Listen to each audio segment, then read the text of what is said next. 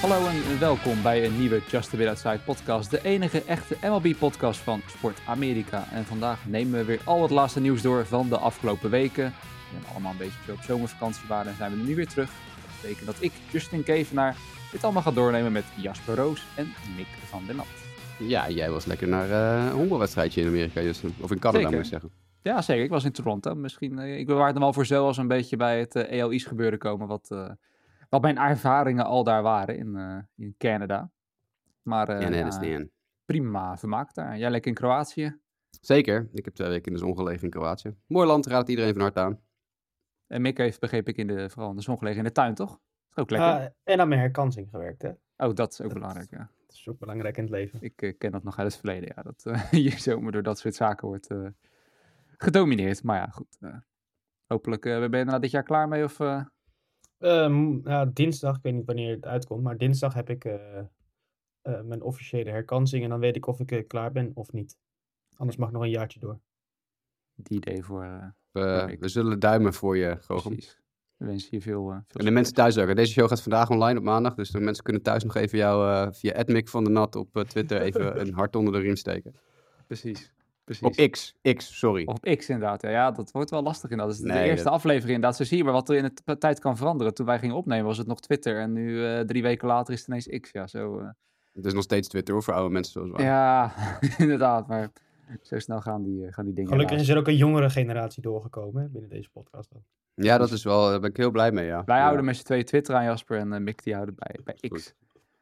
Eh, maar laten we naar honkbal gaan. Eh, we nemen een beetje de grootste nieuwtjes door van de afgelopen tijd. En ook meteen een beetje wat dingen die aan de standen zijn, eh, zijn veranderd. En dan beginnen we met, ja, eh, misschien wel de superster van MLB, Shohei Otani. Want ja, het grote nieuws was daar van de week dat hij een torn UCL heeft. Hij speelt nog wel door als slagman Jasper. Wat dan denk ik voor veel leken, ook zoals ik, dat ik denk, ja, maar er is iets gescheurd ergens bij hem. En hij staat nog wel steeds ballen eruit te rammen ook, letterlijk. Want sindsdien heeft hij een OPS van 1500, geloof ik. Echt ongelooflijk. Maar ja, eh, toch wel terug natuurlijk dat zijn Angels tijdperk als werper zo eindigt. En het, beïnvloedt ook wel zijn free agency, denk ik zo. Nou, dat vooral. Ik denk dat het vooral nu een kwestie wordt voor heel veel teams. Wat gaan we doen met die enorme bak geld die Shohei Otani eh, dit offseason had verwacht binnen te gaan halen? Eh, dit kost hem een paar honderd miljoen dollar. Het is, nu moet hij twee jaar revalideren, zeker als pitcher. Kijk, naar- als je een veldspeler bent, kijk naar Bryce Harper van een paar jaar geleden. Ben je een veldspeler die Tommy John moet ondergaan, ben je met drie kwart jaar wel weer terug. Nou, pitchers zijn gewoon een jaar eruit en dan moeten ze nog revalideren, moeten ze nog opbouwen. Dus je kan er gevoeglijk vanuit gaan dat Otani nou een jaar en een paar maanden gewoon niet inzetbaar is in de Major League als werper. Ja, wat, welk team gaat hem nu een, eh, een contract geven van vijf jaar en eh 500 miljoen of zo, noem maar wat geks. Als die twee jaar van die vijf niet inzetbaar is. Dan betaal je dus feitelijk gezien, ga je zo meteen bakken met geld betalen voor deze speler om te revalideren. Eh, dus dat is, wel, dat is wel een dingetje om in de gaten te houden. Misschien is er een team dat zegt van nou, we geven je een, een weet ik veel, een tweejarige deal. Gewoon om je shirtjes te kunnen verkopen met jouw naam erop. En eh, na, na anderhalf jaar ben je weer terug en hebben we nog een half jaar lol van je. En dan kan jij weer eventjes je, je transferwaarde, je tradewaarde een beetje oppompen. Maar voor hetzelfde geld zeggen teams, nou sorry hoor, eh, ga eerst maar gewoon lekker anderhalf jaar zelf revalideren. En dan kijken we dan wel weer verder.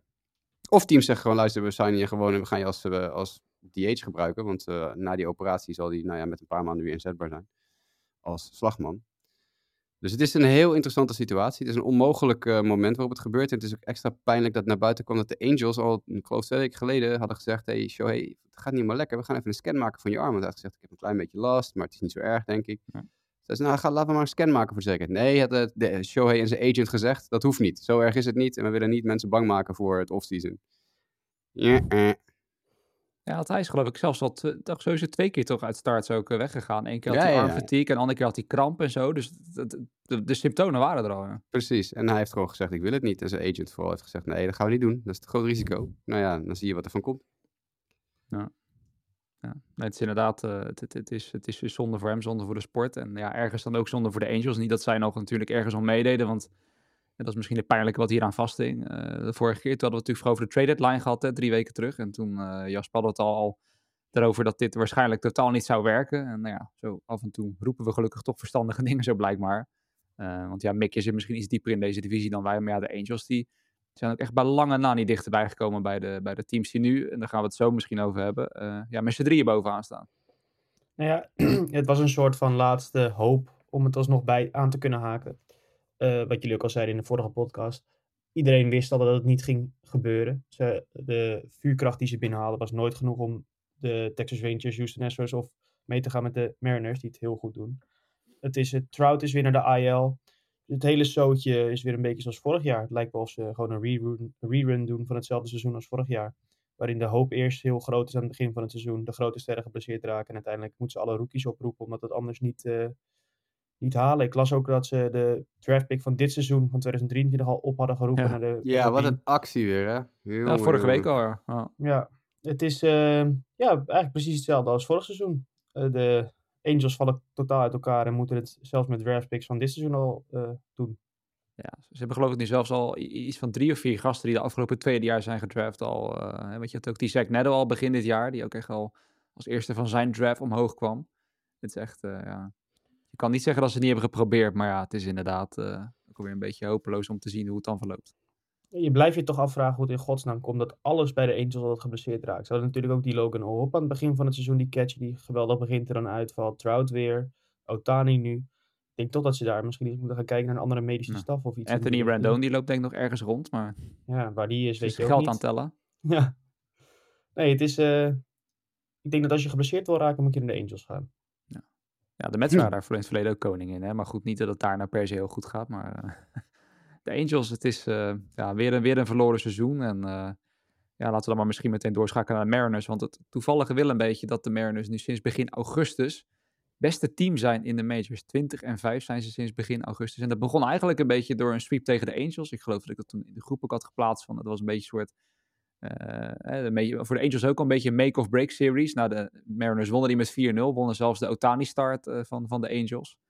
En ja, daarna eh zakten de Angels een plumpudding in. En de Mariners die gingen maar door. En het is inmiddels, de laatste keer was 2001 dat ze in dit stadium van de competitie bovenaan stonden in de divisie. En ja, we geloven erin, Mick. Want de andere kant van het verhaal is dan, kijk, Seattle staat nu bovenaan. En zo zie je maar hoe hard het in drie weken kan gaan. Die hebben de overwinning aan elkaar gereicht. Gevolg is daardoor dat Texas nu tweede staat. Maar dat komt ook wel vooral door hun eigen falen vooral. De wedstrijden die close zijn op het einde worden gewoon niet gewonnen. Het probleem ligt hem in de reliefwerpers die aan het einde van de wedstrijd erin komen. Gisteren ook weer. Sta je 5-4 voor en dan eh, ga je de extra innings in omdat het 6-6 wordt, omdat je het zelf weggeeft in de negende inning. En dan gaat het voor drie innings goed. Dan scoor je nog een run, sta je voor. En dan eh, denkt eh, een van de reliefwerpers, weet je, ik gooi met volle honk even eh, vier keer wijd. En eh, dan verlies je weer. Ja, het is een beetje het seizoen van de Rangers na de trade deadline, waarin wedstrijden dichtbij liggen gewoon verloren gaan. Dus of ze staan voor en in de laatste innings geven ze het weg, of ze staan net achter en kunnen niet gelijk maken. Ehm, ja, en van de laatste tien wedstrijden negen verloren. Het is, het is even afwachten hoe het eh, verder gaat. Want als je het zo doorgaat, dan vergooi je gewoon je seizoen in deze maand. Ja, het ironische wel dan dat dat misschien juist de kracht is van de Mariners. Die, die, die veel close games winnen. Hebben ook de minste runs tegen in de hele American League. En nou, natuurlijk Luis Castillo die gewoon weer een heel goed seizoen heeft. Maar ook George Kirby, Logan Gilbert. eh, de, de bullpen, ondanks dat ze hun closer George Sewald hebben weggetraind naar Arizona. Ik dacht ook toen een beetje van... Hm, beetje gek voor een reliever die je nog twee jaar eh, zou kunnen hebben en die het heel goed doet. Maar ja, toch vertoont dat geen scheurtjes wat betreft de pitching in ieder geval. Ja, aanvallend doen ze dan genoeg om ook uh, vannacht wonnen ze geloof ik maar, maar met 3-2 van de Royals. Maar ja, toch, uh, ja, hoe je hem wint maakt niet uit, uh, hoe nipt het ook is. Dus ja, dit, dit Seattle-team heeft iets, in ieder geval waardoor ze nu erg op dreef zijn. En waardoor er nu weinig tekenen zouden zijn om, om te zeggen dat dat niet gaat gebeuren. Ook gasten als hè, die George Rojas, die kregen ze terug van, van de Diamondbacks. Die had geloof ik nul home runs geslagen. Die was in of meer in gevecht met Tim Anderson voor nou, wie slaat de minste bal over de hekken dit seizoen. Die heeft er nu al drie, uh, drie overheen geslagen sinds hij bij Seattle zit. Dus dat zijn ook van die ongrijpbare dingen die dan, uh, die dan net goed vallen. Maar ja, in een jaar waarin de Mets teleurstellen heb ik toch iets om in, in te geloven ineens. Hm. Dat, uh, ja, dat voelt wel fijn moet ik zeggen. Ik denk ook wel dat deze periode laat zien dat de Rangers misschien iets minder in starting pitching hadden moeten investeren, maar iets meer in de, in de relief pitching. Want als je kijkt, uh, nou ja, José Leclerc is al het hele seizoen dramatisch. Uh, gisteren maakt Rolders Chapman er ook weer een zootje van. En dan heb je Jonathan Hernandez, die komt er al in en die gooit ook weer weg. Die heeft ondertussen een ERA van 6,45 en al twee wedstrijden verloren. Ja, het is, uh, het is niet veel in de um, bullpen bij de Rangers. Dat, da, daar zit gewoon een probleem in. Want als je kijkt naar de startende werp, werpers, met vooral Jordan Montgomery die echt geweldig gooit. vorige week ook weer acht innings gooit en dan verlies je hem alsnog. Terwijl hij nul earned runs tegenkrijgen, dan verlies je hem alsnog met 2-1 of zo. Dat is een beetje het verhaal van de Rangers op dit moment. En dan profiteren de Mariners fantastisch van. En de Astros die hangen er ook nog aan. Ja, dus het is eh, de spannende divisie op dit moment. Ik bedoel, eh, ik denk Ja. dat er weinig eh, zo spannend is als in de AL West. Nou ja, inderdaad. De Astros zou je bijna, bijna vergeten. Terwijl die gewoon bij de trade deadline Justin Verlander hebben gehaald. Die is ook gewoon degelijk goed gestart daar. Eh, maar ja, die hangen er een beetje tussen nu. Maar zitten ook maar op één wedstrijd achter Seattle. Het enige wat misschien wel perspectief biedt. Tegenwoordig op MLB.com. Als je de standings bekijkt. Dan staat er ook een soort expected win-loss bij. Waar ze op zouden kunnen eindigen. Gezien het schema ook. Wat eraan komt. Daarin staan de Rangers wel eh, zeven wedstrijden boven de Mariners. Worden ze nog gegeven als favoriet. En dan staan daarachter vlak de Astros. Dus we zien Texas nog steeds als grote favoriet. Vlak voor Seattle en vlak voor Houston. Eh, vooral door het schema dan waarschijnlijk. Maar ja, na het wedstrijd als tegen de Twins vannacht, dat, eh, dat baart wel zorgen. En is de- de- daardoor is deze divisie inderdaad... Kijk, ze zullen het alle drie wel de playoffs halen. Daarover hoeven denk fans van deze teams zich op deze manier geen zorgen te Mm, maken als zo nou, doorgaat, toch? Of Ja, vind je van Nou, wel? nou, de Blue Jays komen er ook aan, hè? Nou ja, maar dat, daar kom ik zo op. Die heb ik gezien, dat gaat niet gebeuren. Dat, eh, En even over de West, onderaan ook. Het eerste team wat niet meer mee kan doen in de postseason. De Oakland Ah. Athletics. Ja, eliminated. Ze hadden ook nog een series tegen de Royals. eh, toevallig vorige week of zo. Dat ik ook dacht, dat is echt wel de meest... Ook qua record misschien een van de meest treurige series ooit gewoon. eh, dat was echt eh, ja, genieten geblazen. Wonnen de Royals ook echt wel belangrijke wedstrijden in. Hè? Om, om niet het slechtste team van de, van de majors te zijn. Maar goed. Laten we dan doorschakelen naar ander groot nieuws, Jasper. Dat is dan misschien meer voor jou om wat ja, frustratie of weet ik het uit te gooien. Opluchting, ik weet niet wat, ja, erbij Berusting is. misschien. Ja, of berusting, dat kan ook inderdaad. Eh, want de White Sox, dat is natuurlijk het grote nieuws. Die blazen de boel toch op in de zin van het management. Waar eh, ja, nogal wel belangrijke mensen het veld moeten ruimen na weer een eh, seizoen zonder enig perspectief. Fucking finally, zullen we wel zeggen. Nee, ja, de, de, de, de, de White Sox waren een, de organisatie met zo ongeveer de, ja, de langstzittende front office. Met eh, Brian Cashman van de, de Yankees en ik geloof Mike Rizzo van de Nationals of zo. De, de drie langstzittende GM's met Rick Hahn van de White Sox. En daarboven nog Kenny Williams, de ex-GM en nu, eh, ik geloof Vice President of Baseball Operations of zo. President of Baseball Operations, weet ik veel. In ieder geval uh, houten met toten. En eh, ja, Kenny Williams zat er bijna 35 jaar al. En Rick Hahn al 23 jaar, waarvan ik geloof 10 of 11 als GM. Eh, en ja, kunnen natuurlijk gevoeglijk zeggen dat dit seizoen het seizoen uit de hel is voor de club uit de South Side van Chicago. Want eh, alles wat fout gaat, eh, wat fout kan gaan, gaat fout. En eh, er komt ook echt geen einde aan. De, natuurlijk wel de kritiek van Keenan Middleton toen hij getrade werd. de woorden van Lance Lynn nadat hij getrade werd. ja, de, de slechte interviews na de wedstrijd van spelers. Totaal gedemotiveerde zooi die daar rondloopt. De ego's en, en noem maar op. Ja, en eindelijk is eigenlijk ja, Rick Hahn als GM dan verantwoordelijk gehouden. En met hem is Kenny Williams. Je kan niet de een houden en de ander niet. Rick Hahn en Kenny Williams werken al 23 jaar samen. En, eh, en runnen met z'n tweeën bij elkaar opgeteld al meer dan 50 jaar een honkbalclub. Eh, dat de, de een, als de een gaat, moet de ander er ook uit. Eh, dus de White Sox hebben zowel Rick Hahn als Kenny Williams eruit gesodemieterd. En it's about fucking time. Maar het zorgt ook wel weer voor wat stress en spanning in de richting van de toekomst. Want je weet het bij de White Sox nooit, hè? Als er nieuwe mensen aangesteld moeten worden. Voor je het weet eh, komt eh, Tony La Russa weer uit, eh, uit de, de, de nooks en de crannies gekropen. Zo ook nu weer. Zijn naam gonst alweer rond als adviseur van eigenaar Jerry Reinsdorf bij het aanstellen van een nieuwe GM. En ja, de White Sox kennen, dan gaan ze weer iemand van, van binnenuit promoveren. Chris Getz was al minor league director en adviseur, assistent GM van Rick Hahn. Ook Jeremy Haber is assistent GM. Hij had, dus twee assistenten Rick Hahn. Die twee worden genoemd als mogelijke kandidaat. Hoewel ik verwacht dat Haber er ook uitgegooid wordt over een paar weken. Ik denk dat Haber en Getz nu gewoon de, de club runnen tot het einde van het seizoen. Dat ze dan eh, in ieder geval Haber eruit gegooid wordt. Ehm Getz maakt een serieuze kans om uitgeroepen te worden tot een nieuwe GM. Nou, dat lijkt me dramatisch. Eh, niks ten nadele van Chris Getz, die, eh, de, de speler en de ex-speler. Maar Chris Getz heeft ook gewoon in grote mate een, eh, ja, denk ik, de verantwoordelijkheid voor het slechte minor league systeem bij de White Sox. Dat natuurlijk ook al jaren niet draait. Dus wat mij betreft gaan ze buiten de organisatie zoeken. En dan zou een Preston, Preston Mattingly wordt genoemd als eh, kandidaat van de Phillies, eh, minor league director van de Phillies.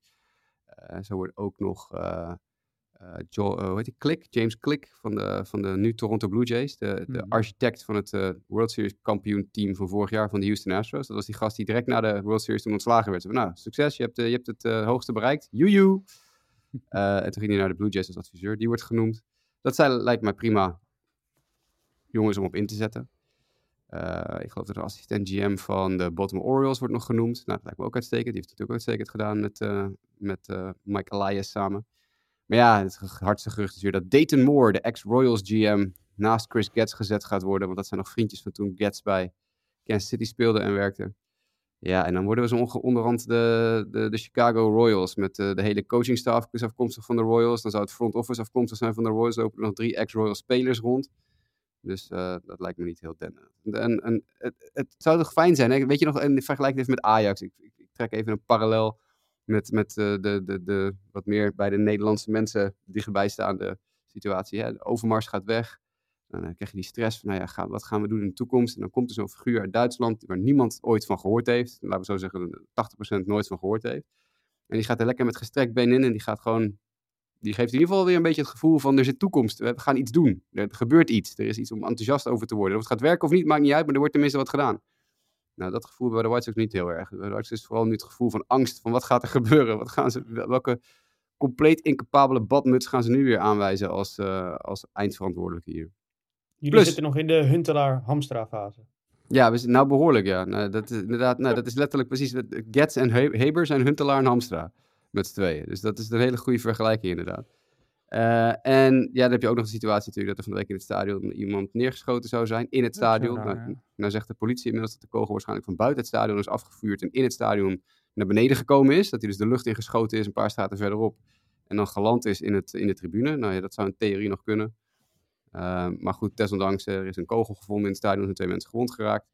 Uh, dan heb je nog de hele situatie rondom Eloy Jimenez die domme dingen loopt te zeggen in de pers. Het is, is niet om heel vrolijk van te worden.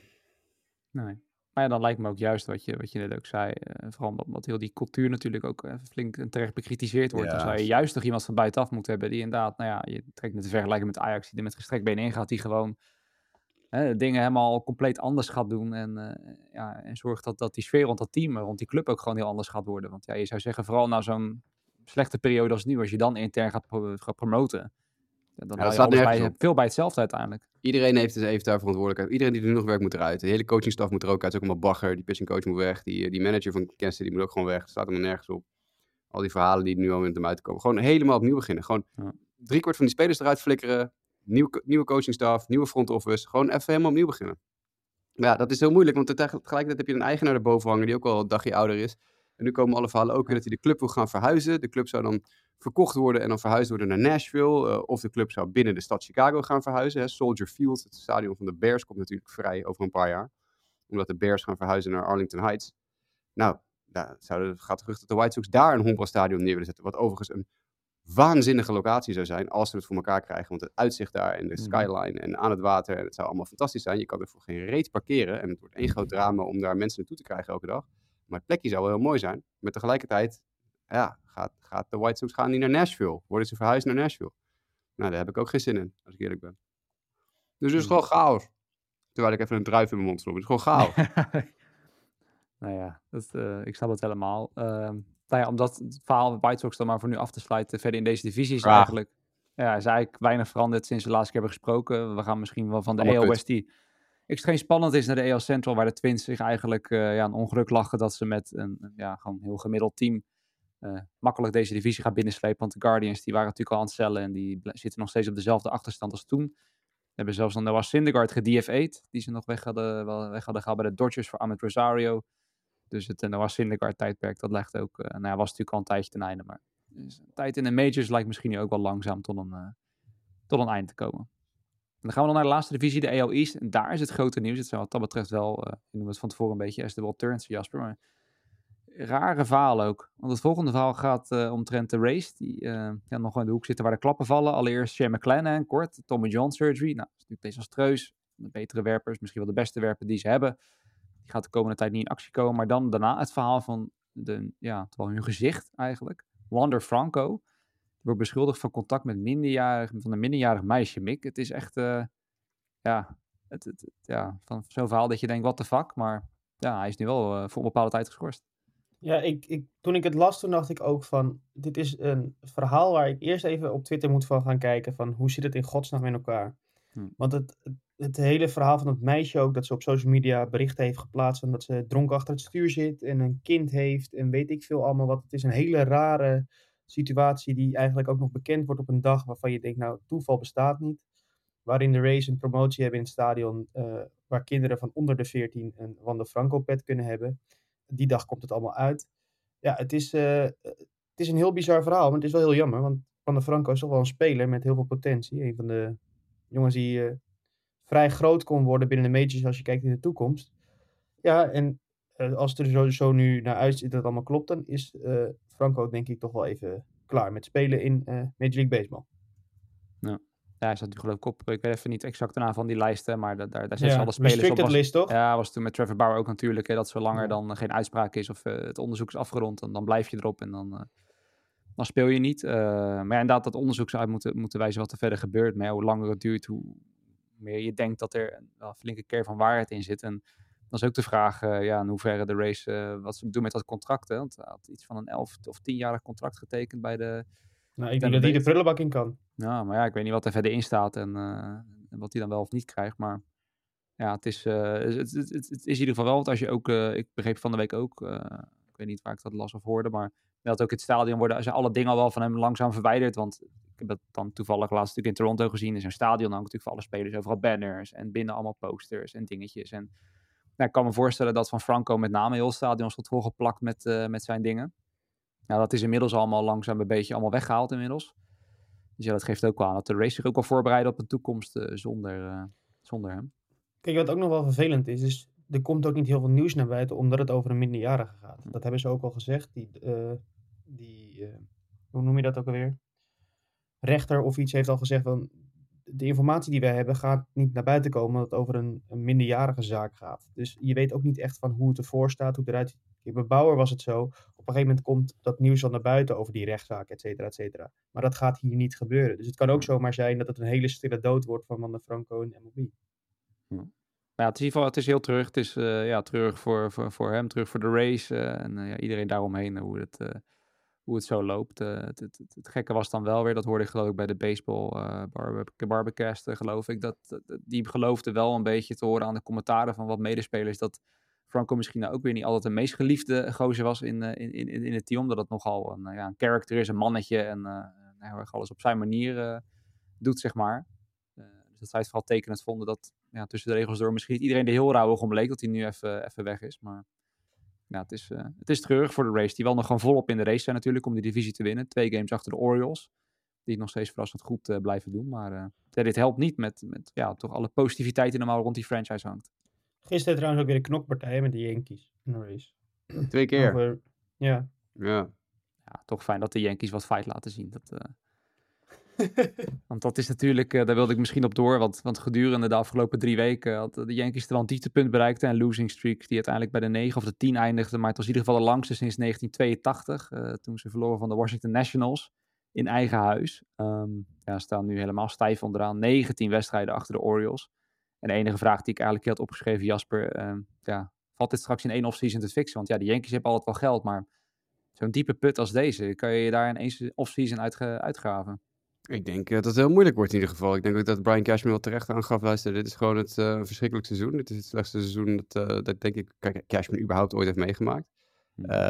De, deze ploeg moet gigantisch aangepast worden. Hier moet de, ja, ze hebben natuurlijk altijd wel geld, dat is het probleem niet. Maar er moet ook gewoon gekeken worden naar, oké, okay, wat, wat doen we in de minors eigenlijk? Er is al jaren niet goed gedraft bij de Yankees. En ja, dan kijk je naar een club als de Dodgers, die kopen wel veel, maar die draften ook gewoon heel goed in de tussentijd. Dus ja, ik, ik denk dat het heel moeilijk wordt. Het zou mij persoonlijk niet heel erg veel verbazen als Cashman uh, dit seizoen de, de volgende lang, langzittende GM is die zijn spullen mag pakken. Dan heeft Rizzo van de Nationals net van de week een uh, contractverlenging gekregen. Hm. Dat zal dan de enige zijn die blijft zitten. Het zou mij niet verbazen als de Yankees ook zeggen, misschien is het tijd voor een frisse wind in het uh, in Yankeesland. Ja. Nou ja, het is ook, ik zit eigenlijk, en dat is bij elke podcast al wat even kort terug hebben, zit je door team te scrollen en denk je ook inderdaad van ja, hebben ze nou met al het geld gedaan. Ja, vooral natuurlijk ook heel veel gasten die geblesseerd zijn natuurlijk. Hè. Donaldson die al een hele tijd weg is. Rizzo die uh, natuurlijk met die, uh, die post-concussion uh, weg is gevallen. Maar ja, er zit ook gewoon zoveel gaten uiteindelijk in dit team. En dan is het natuurlijk ook wel een beetje makkelijk. Maar tegelijkertijd ook wel schijnend. eh, dat was geloof ik ook in de afgelopen tijd gebeurd. Hè, dat je Stanton in zo'n eh, in zo'n clipje de bases ziet, eh, ziet rondsprinten. En dan echt kansloos wordt uitgegooid. Omdat hij gewoon als een bejaarde rond, eh, rondrent daar. Dat, ziet, dat ziet er gewoon heel pijnlijk uit, zeg maar. Als dat een van je gezichten moet zijn. En die kan gewoon nog amper eh, normaal de honken rondrennen. Ja, dat is, eh, dat is heel pijnlijk voor, voor, voor Yankees fans. Voor de rest in de divisie, ja, snap ik het wel. Die zit natuurlijk wel redelijk te giechelen dit jaar en te, te. Dat natuurlijk een keer zo, zo loopt als nu. En vooral voor de Orioles en de Rays natuurlijk daarom mee een gouden kans om de divisie te pakken. Maar inderdaad, in deze vorm zie ik niet dat het volgend jaar heel, eh, heel snel anders gaat, gaat zijn. En dan om af te sluiten, want het enige team, of twee teams die we niet benoemd hebben, Boston hangt er ook nog een beetje eh, achter. Maar die zitten wel 4,5 game achter in de wildcard. 12,5 achter de Orioles en de Blue Jays. die zitten toch maar liefst 10,5 achter Baltimore. 2,5 achter in de wildcard, Mick. Ja, jij zei net, eh, ja, Toronto komt er wel een beetje aan, maar eh, ja, ik heb ze toch gelivescout. Uh, durf ik wel te zeggen. Ik ben twee wedstrijden heen geweest. Eén keer tegen de Cubs, die wonnen ze. En daarna tegen de Phillies, die verloren ze vrij, vrij kansloos door een showtje van, van Bryce Harper. En eh, ja, je merkt er ook bij, bij Toronto, ze staan 71 en 60. Dus het record op zich denk je, nou, gaat best wel prima. Maar ook op de tribunes, je merkt toch veel, eh, het zat twee keer goed vol. Wat trouwens daarmee ook wel, moet ik zeggen, als je daar bent, bezoek vooral een wedstrijd. Want het zit echt goed vol, die tent. En goede sfeer en zo. Een mooi stadion ook, ondanks dat het ouder is. Maar ook echt veel cynisme hoor, op de, op de tribunes. Gewoon omdat de, de pitching die ja, loopt op zich wel. Sterker nog, qua rotation zijn ze al nooit zo blij geweest. Maar aanvallend is het echt zo'n drama. Omdat de springers van deze wereld, Guerrero, ze doen het wel oké. maar ja, voor het salaris wat ze krijgen, voor de status die ze zouden moeten hebben, ja, leveren ze gewoon eigenlijk niet eh, wat ze zouden moeten leveren. Waardoor je gewoon een team hebt waarvoor het elke wedstrijd een struggle is om de drie, vier runs aan te tikken. Eh, en ironisch genoeg tegen de Phillies halen ze het dan, maar dan implodeert de bullpen wel ineens een keer. Dus het, ondanks het record, het verbloemt veel van dingen die vaak wel tegen lijken, lijken te zitten. Eh, ook zo van Paul de Jong bijvoorbeeld hadden ze voor getrade. En, en ik heb denk ik serieus nog nooit live, twee, ja, in dit geval twee wedstrijden dus gezien, waarin ik iemand zo hopeloos aan de plaat heb zien staan. Echt, die ging in totaal had ik iets van 0, 0 uit 9 met, met, met 7 strikeouts of zo. Nou, dat was echt... Ja, hij mocht ook Nee. met deze biezen pakken en sloeg toen in zijn eerste wedstrijd bij de Giants home Ja. geloof ik. Dat was ook toevallig, zag ik op het, dat ik had wel het Blue Jays Reddit een beetje in de gaten gehouden. Nou, die mensen die, die konden de haren uit de kop trekken toen ze dat zagen. Inderdaad, dat eh, Paul de Jong eh, naar de Giants ging. Maar echt ook die mensen op de tribune de hele tijd van, why is this guy hitting, man? En hè, vooral die David Schneider, ik weet niet of mensen die kennen, maar zo'n gozer die ze toen een tijd geleden al hebben opgeroepen. En met een snorretje en niet echt een heel bekende prospect of zo, maar die, die loopt al een tijdje triple A rond. En die slaat heel veel home runs eruit aan het begin van zijn carrière. Ja, die wordt toch elke keer op de bank gehouden uiteindelijk. En eh, nou ja, nu de laatste tijd speelt hij weer, doet hij het goed. Maar ook toen merkte je dan wel dat gewoon eh, ja, aanvallend aan de onderkant. En Bichette was er ook nog eens geblesseerd, dus dat hielp ook allemaal niet. Er zit er gewoon heel weinig slagkracht in. En, eh, ja, het, het record zou dan zeggen dat er wel wat in zit. Maar ik denk dat ze echt wel wat tekort komen om uiteindelijk een echte push eh, in te zetten. Of Guerrero en Springer moeten toch wonderbaarlijk genoeg ineens eh, een paar weken voor het einde wakker worden. Maar het is, het is wel jammer, want het is denk ik wel op papier een leuk team. Maar ja, het, is, het, heeft net niet die, die X-factor of, of hetgene wat nodig is denk ik om verder te pushen. Maar verder, ja, mochten mensen er ooit zijn. Leuke stad, eh, leuk stadion. En ja, je merkt wel echt, dat vind ik wel mooi ook. Het is natuurlijk de enige wedstrijd waar je ooit, eh, of tenminste in dit geval waar je dan twee volksliederen hoort, zeg maar. Dat je echt het gevoel hebt, ook in dat stadion, mensen komen uit veel plekken uit Canada om dat team ook te zien dan. Hè. Die doen dan waarschijnlijk een weekendje Toronto en gaan dan naar een Blue Jays wedstrijd. Eh, het is echt een beetje Canada's team. Ik moet zeggen, dat sfeertje is ook wel grappig om, om mee te krijgen zo op, op die manier. Maar succes boeken, dat, dat gaan niet worden. Dus dat, wat betreft mijn spreekbeurt van mijn reis. Ja, nee, duidelijk. Ja, jij hebt ze gezien, dus jij kan er het Naar best over Toronto, zeggen. ja. Ja, dus Mick, geloof je er nog steeds in of eh, ben je overtuigd? Het scoutingsrapport. Ehm, ik ben er nog steeds van overtuigd dat de Texas Rangers de World Series gaan halen. Dus dat is denk ik mijn antwoord. Ja, ik heb ook wel, daar heb ik ook wel misschien een eh, paar eurotjes op gezet hoor. Samen met Seattle. Ik dacht, een van deze twee teams gaat dat niet doen. Dat, eh, ik word er geen miljonair mee, maar toch. Kan ik misschien wel een keer, eh wel het vooraf over kan, maar misschien wel een keer naar de paddock club eh, bij de Formule 1. Als, het, eh, als de Mariners de World Series winnen. Dat eh, kan ik je van harte aanraden. Eh, maar goed, laten we doorgaan eh, bij, en bij honkbal houden. De, de National League East, daar was dan eigenlijk het grootste nieuws. eh, en dat is, eh, ik pas afgelopen weekend of vorige week naar buiten gekomen. Dat Steven Strasburg, ja, we hadden al een tijdje niks meer eh, van hem vernomen eigenlijk, eh, Jasper. Maar ja, hij heeft dan toch, eh, tenminste hij heeft het geloof ik nog niet zelf aangekondigd. Maar de, de Nationals hebben een persconferentie ingelast. En eh, ja, tussen de regels door is aangegeven dat het thema is dat Strasburg eh, definitief stopt met honkballen. Ja, dat zat er wel een beetje in natuurlijk. Hij krijgt nog wel lekker doorbetaald, maar Uh, we hebben hem natuurlijk al uh, tijden niet meer gezien. Hè? Sinds, uh, wat is het, juni 2020 of zo had je opgezocht. Hebben we hem al bijna niet meer gezien. Ja. Nou ja, 2021. Had toen één wedstrijd in 2022, maar ja, ja als je die niet meerekent, dan is het al twee jaar dat we hem niet hebben gezien. Precies. toen zat ik op de wc of zo toen hij die wedstrijd gooide, weet ik veel. Dat, nee, dat, het is gewoon einde verhaal. Het is jammer, want het was natuurlijk, Steven Strasberg was een enorme ster toen hij net opkwam. En we hebben natuurlijk in de Honkbalweek nog gezien, vlak, vlak voordat hij doorbrak in de majors. En ja, dat was gewoon iedereen had, wat, wat over Bryce Harper gezegd werd aan de slagkant, was, was Steven Strasburg aan de pitchingkant. Het was de, de grote nieuwe ster aan het firmament. En hij maaide door de minors heen in een tijdperk dat het helemaal niet zo normaal was. Dat minor league spelers zo snel al en jong al door het hele veld heen ramden. En dit was gewoon een fenomeen. En de eerste paar jaar was hij ook een fenomeen. Hij heeft me een aantal uh, fantasy titels opgeleverd. Maar de laatste, wat is het, zes, zeven jaar is het, die arm is een beetje op. Dus dit is uh, denk ik een goede keus Stop maar lekker, ga maar leuke dingen doen met al het geld dat je verdiend hebt. Dat heeft hij wel. En uh, het beste maar weer. Tabé. Ja, precies. Ja, en uiteindelijk toch een World Series gewonnen, dus uh, ja. En ook MVP toch? World Series MVP. Of iets. Uh, American League, nog, of National hmm. League, nog wat MVP. Dacht ik. Dat durf ik je niet te zeggen. Maar ik weet wel, hij was natuurlijk wel in, die, in, in dat positie vrij beslissend, wat natuurlijk ook niet heel gek is. Nee. Hij speelde er wel een cruciale rol. Ja, natuurlijk dat Washington hem won. Uh, dus ook in die World Series, ik weet niet of de wedstrijd 5 of 6 was, niet de beslissende. Want dat was geloof ik toen Patrick Corbin die daarin een soort van uh, helder rol had als pitcher. Maar in een van die wedstrijden was hij wel extreem beslissend voor, de, voor Washington. En nou ja, goed. Uiteindelijk is dat dan wel het mooie van het verhaal. Dat hij inderdaad ooit, wat Jasper zegt, als, als fenomeen binnenkwam als number one pick. Toch uiteindelijk een World Series heeft gewonnen. En ja, alleen vaak geteisterd door blessures. En dat is dan het enige smetje op zijn carrière waaraan hij toch een ring heeft, heeft overgehouden. Ja ja, het vervolgnieuws was, maar dat had Jasper net al een beetje aangegeven, hè, dat de GM en de manager Rizzo en uh, Daisy Martinez wel allebei een verlenging krijgen, wat dan ergens misschien een beetje gekkig is. Aan de andere kant, ze zijn een rebuild en ze staan nu gewoon officieel boven de Mets. We hadden het de vorige podcast over, maar het is niet echt gebeurd. De Nationals staan één wedstrijd boven de Mets. Uh, en ja, die rebuild loopt dan toch best wel oké is. Als je ook kijkt naar een paar jonge gasten daarvoor ze hebben getrade. Zo'n zo Kybert Ruiz uh, begint het steeds wat beter te doen. CJ Abrams met name nu, sinds een maand of twee. Die begint het echt uh, steeds beter te doen.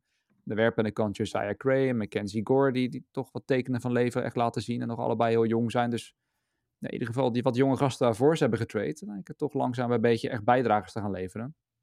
Waardoor het team misschien toch iets minder ver weg is dan uh, dat je zou denken wat betreft de rebuild. En ehm, ja, verder nog de Phillies, die zijn ook op dreef geraakt eigenlijk sinds ze voor het laatste keer hebben gepot. Die staan nu echt duidelijk stevig op die tweede plek. Een wildcard staan ze 3-1 games voor op een beetje de andere teams daar. Dus als ze dit volhouden, lijken ze te halen. Het meest opvallende daaraan was vooral dat Michael Lorenzen, dat is dan inmiddels wel alweer drie weken geleden, toen waren we net allemaal op vakantie. Nou ja, die gooide meteen een no-hitter in zijn eerste start voor hm. Philadelphia. Dus ja, als je dan hebt over een trade deadline acquisition die aardig heeft gewerkt, nou, als je meteen een no-hitter gooit in je eerste wedstrijd, dan is het wel mooi. En vooral voor Lorenzen, natuurlijk ooit een two-way player.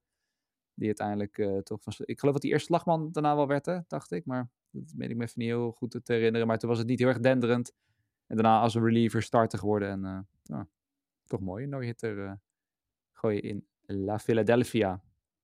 Nou ja, de Braves. Ik probeer ze als Mets-fan een beetje dood te zwijgen. Ja, dat snap ik. Nog steeds ver bovenaan. En ja, als je het hebt over perfectie, dan ja, zijn dat momenteel de Braves toch wel in het, uh, in het honkbal. De dus, Dodgers uh, komen wel dichterbij hoor. Ja, als je het daarover hebt inderdaad. Nou ja, laten we daar misschien maar meteen op doorgaan inderdaad. Want uh, ja, ik heb het niet eens echt de afgelopen drie weken al heel goed doorgehad. Maar voor je het weet staan de Dodgers ineens weer 12 games voor op, op de Diamondbacks. ja. Het is, je komt er nooit vast. Misschien maar goed dat Mike er niet meer bij zit. Om dan weer te, te zuchten en te kreunen dat, dat, dat, dat de Dodgers er weer mee weglopen. Maar ja, maar toch, maar Mick, zou je ook niet nog steeds niet voor de Braves kiezen nu? Als het er nu op aankomt. Tussen die twee, stel ze komen elkaar tegen in de, in de NLCS. Ja, op dit moment wel. Maar het komt natuurlijk ook nog eens als je kijkt naar wat de Dodgers allemaal dit seizoen met blessures hebben gehad. Ik vind het wel knap hoor. Ik bedoel, zeker op pitchinggebied. Veel jongens gemist. Maar de Braves zeker verreweg de favoriet in de National League. Ja. Nou ja, het scheelt ook wel natuurlijk dat, uh, dat Clayton Kershaw natuurlijk weer terug is bij de, bij de Dodgers. Uh, sinds ze voor het laatste keer hebben opgenomen. En ja, Lance Lynn, dat die ook in een soort van uh, ja, capabel is dan weer. En dat, dat zou je dan net zien, dat hij naar Dodgers gaat en het gewoon goed doet daar. Kijk, het is niet uitzonderlijk wat hij doet, maar hij doet het goed genoeg en beter dan ja, wat andere jongens die ze hebben geprobeerd. Dus ja, Dodgers met 80, 49, 12 wedstrijden voor op Arizona, 13,5 voor op de Giants en ja, 20 wedstrijden voor op San Diego. Terwijl ja, ik was sowieso een van degenen die hier eh, heel hard op zei dat San Diego echt de, deze divisie gaat weglopen. En dan zie je ze 61 en 70 staan, Jasper. En natuurlijk, we zijn er al vaak veel eerdere podcasts op, op teruggekomen. En elke keer had ik dan toch vaak wel iets van, het gaat wel gebeuren. Maar er nu al punten zijn aangekomen, ook acht games achter in de wildcard, dat we echt kunnen zeggen, dit gaat niet meer gebeuren. Nee, ik denk het ook niet. Ik denk dat het, ja, het is knap hoe lang je het volgehouden hebt. Maar het is, nee, dit, ik zie dit niet meer, niet meer ergens naartoe leiden. Het is, het, is wel, het is wel een van de onderdelen natuurlijk van een leuk chaotisch laatste stukje van een MLB-seizoen. Dat, het vrij, dat er meerdere teams zijn geweest waar je vrij lang nog hebt kunnen dromen. Maar deze droom is denk ik wel voorbij, denk ik. Ja. Het gekke wel, als je kijkt naar de MLB expected win-loss, die, die ik net aanhaalde, dan, dan geven zij aan dat zij dus voorzien dat Arizona San Francisco nog een terugvalletje gaan hebben. En dat San Diego wel gewoon tweede gaat worden en dus nog de derde wildcard gaat pakken. Hmm. Ja, dus dan ik, zie dat, ik zie dat niet gebeuren. Ook, ook, ik bedoel, als je kijkt naar. Uh, de, dus zag je de frustratie bij Manny Machado. Was het gisteren of eergisteren? Die met een knuppel echt gewoon een hele waterkoeler helemaal de vernieling in beukt. Er zit veel meer in dat team verkeerd dan alleen maar niet meer kunnen winnen. Het is, het is gewoon een. een uh, ja, dit zit gewoon niet goed. Dit is niet hun jaar. Punt. En dat moet je op een gegeven moment ook gewoon eerlijk in zijn. Er zijn je kan natuurlijk allerlei wiskundige formules loslaten op hoe een team speelt. Maar je kan ook gewoon eens kijken hoe die jongens erbij lopen. En die jongens lopen er niet bij alsof ze dat nog even goed gaan maken. Nee. Ja, wat ik denk dat dat dan ook vooral is wat in dat expected win-loss record eh, erin zit. Dat vooral de data erin zitten. Want ze hebben ook een positief uh, run differential. Uh, qua runs tegen zijn ze in de National League geloof ik de beste na Atlanta dan die natuurlijk overal in, in, in uitblinken. Alleen ja, de offense blijft dan wel flink, flink achter. Maar ze bijvoorbeeld wel nog steeds beter dan die van San Francisco en wat andere teams die rond die wildcard hangen. Alleen ja, uiteindelijk als het op aankomt in die wedstrijden, verliezen ze gewoon veel te vaak al die wedstrijden die er net op aankomen. En dat uh, is uiteindelijk ook ergens een soort, een soort kwaliteit. Terwijl uh, ja, mensen dan toch zeggen, over een seizoen komt het wel goed. Maar nee, bij San Diego zie ik nou, ben ik definitief, definitief nu ook uh, omgekeerd. En nee, gaat niet, meer, gaat niet meer gebeuren, vrees ik, voor de Padres. En de Rockies, die waren er ook nog trouwens, maar die staan nu uh, ja, die zijn 31 en een half wedstrijd achter op de Dodgers. Nou, succes. En blijft er over de National League Central. Daar had ik ook wat, wat korte nieuwtjes over. Vooral daarin dat uh, Milwaukee heel erg op dreef is. Eigenlijk misschien een beetje sneaky wel. Want uh, we hebben het net, uh, Mick, over dat de Dodgers en de Braves natuurlijk. Dat is toch een beetje de matchup waar iedereen al een beetje met een schuin oog naar uitkijkt. Maar je hebt toch de Phillies die heet worden. Nu de Brewers ook. Dat, het, het kan misschien toch nog wel spannender worden in de National League dan we denken. Of denk je niet? Jawel. Ik denk dat het, ik denk dat die hele divisie nog best wel eigenlijk ja, verrassend is tot op zekere hoogte. Kan ik dat zo zeggen, Mick? Ja, ja. Ik denk het wel. Ook met de Cardinals natuurlijk stijf onderaan. Nou, dat is het. Ik bedoel, Dat, dat, ja. dat is precies wat ik bedoel. De Cardinals die we van tevoren echt wel iets hoger hadden ingezet dan laatste. Eh, de Cubs die het beter doen dan we eigenlijk hadden gedacht. De Reds die leuker zijn om naar te kijken dan je eigenlijk zou denken. Milwaukee die, waarvan mensen halverwege seizoen zeiden, ja, dat team is eigenlijk niet, dat is top heavy. Er zit niet genoeg diepte achter. Die gewoon helemaal los zijn. Het is eigenlijk een hele leuke divisie. Als je heel eerlijk, ernaar, heel objectief ernaar kijkt. En ik ben pro-Brewers altijd. De Brewers zijn mijn National League team, dus ik vind het leuk dat ze het zo goed doen. Maar het is gewoon wel een hele interessante divisie op die manier natuurlijk. Er is altijd wel iets te, iets te zien.